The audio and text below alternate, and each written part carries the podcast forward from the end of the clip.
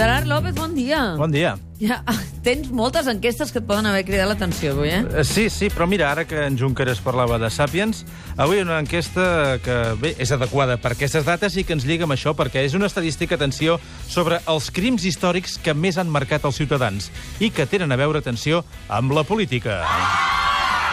Caram. Sí, de I fet... quins són eh, aquests eh, històrics? Ara us, us ho expliquem. Hi ha algunes dades, atenció, que asseguren que el 40% de les històries més llegides en determinats àmbits són, atenció, sobre crims i assassinats polítics.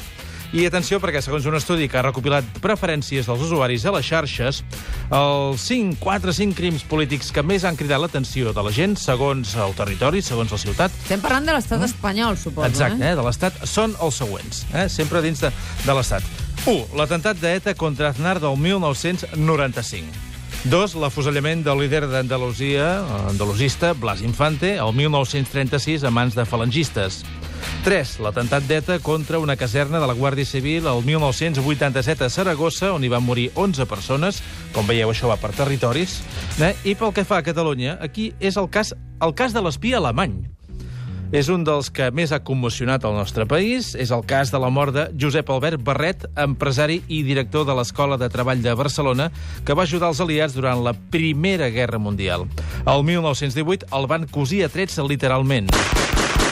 Va ser atemptat, eh, obra d'un pistoler que sembla que estava contractat per un comissari de la policia que, segons sembla, era espia alemany. Per tant, això va passar aleshores. Fins a 18 trets va rebre aquest senyor. Estem parlant de Josep Albert Barret, empresari i director de l'Escola de Treball de Barcelona. Però aquesta informació d'on surt, Gerard? Doncs eh, bé, això ve d'una aplicació de mòbil. Es pot saber a través d'una aplicació que t'expliqui històries. Una informació que ens aporta l'aplicació Històries. Ah, eh? És per divulgar ah, ah. la història desconeguda de les ciutats. Tu vols saber què va passar a la meva ciutat? Doncs entres aquí i et diuen, mira, un senyor que es deia... Anem a veure què ens diu l'indignat, Gerard. Domènec Sobirà, que t'indigna, bon dia. Bon dia. Mira, eh, ahir estàvem parlant d'un desacord, no? El de la CUP Sí. i Junts pel Sí, Sí. sobre els pressupostos. Sí. I avui, de fet, estem parlant d'un altre desacord, el del Congrés per formar govern. Encara no. Un altre acord que l'han embocat en eleccions. I, evidentment, en la campanya prèvia que va arrencar ahir a la nit. I m'indigna recordar que tota la campanya es farà amb un altre desacord de fons. Quin? Ahir es va fer el que abans s'anomenava l'enganxada de cartells. Sí. Avui es fa d'una altra manera, on va separar. A l'època de les noves tecnologies no pots posar un senyor polític amb una escombra molla enganxant un cartell a una paret. I no li facis una foto per viralitzar-la a les xarxes, que té molt poc glamour. Però va, anem a l'important. Aquests cartells, i en definitiva tota la logística per votar, valen una pasta. Sí. I tenint en compte que fa sis mesos ja van votar i que ni govern ni oposició han tingut gaire temps per tenir èxits o fracassos, gairebé que potser ens podríem estalviar una mica de propaganda, no? Doncs No, no, escolta'm, no. tampoc s'han posat d'acord en això. Tots estaven d'acord que s'hauria de reduir la despesa. Però com? Benvinguts a la batussa. Resultat, tornem a gastar aproximadament el mateix que fa sis mesos. O sigui que quan rebeu cartes a casa ara, penseu que uns volien que us n'arribés una de part de tots, però els altres, no, no. Cadascú canviï la seva.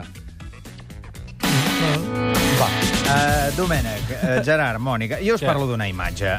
Veure Maradona i Pelé amb les mans agafades, diríem que xoca una mica, no? Per què? Uh, si forma part d'un acte publicitari amb el nom del Partit de l'Amistat i en què tots dos defensen la mateixa samarreta, dirien que pot colar una mica més. Maradona i Pelé, com ja sabeu, se les han dit a tots colors perquè tots dos volen passar la història com el millor futbolista de tots els temps. Ahir, a París, a les hores prèvies d'aquesta Eurocopa, es van donar la mà, però de retruc, aquesta aliança momentània va servir perquè Messi, el jugador que pot acabar amb el regnat de tots dos, en, sosti, en sortís escaldat. Esquitxat, sí, sí, sí. eh, segurament no ho volien fer públic, però resulta que un micròfon obert va captar la conversa entre els dos. ¿Tú conoces a Messi personalmente? Messi? Mm, sí, sí, pero es buena persona. Muy buena persona, pero eh, no tiene personalidad. No tiene mucha, mucha personalidad como para ser líder. Ah. Indignant. Ah, entiendo, Oh, oh. eh? Diu Maradona que Messi és bona persona, però que no té personalitat per ser líder. Senyor Maradona, senyor Pele, vostès també tenen Messi dependència. El seu regnat, òbviament, depèn de Messi. I això, que no té personalitat per ser el líder, que si en tingués, Ai, ai, doncs ja ai, faria ai. temps eh, que estarien... Es, es podria, es podria altra cosa. presentar ara a la campanya. La guineu quan no Això- les pot haver... Com és aquella dita? La guineu quan no les pot haver diu que són verdes. Doncs això. Doncs això.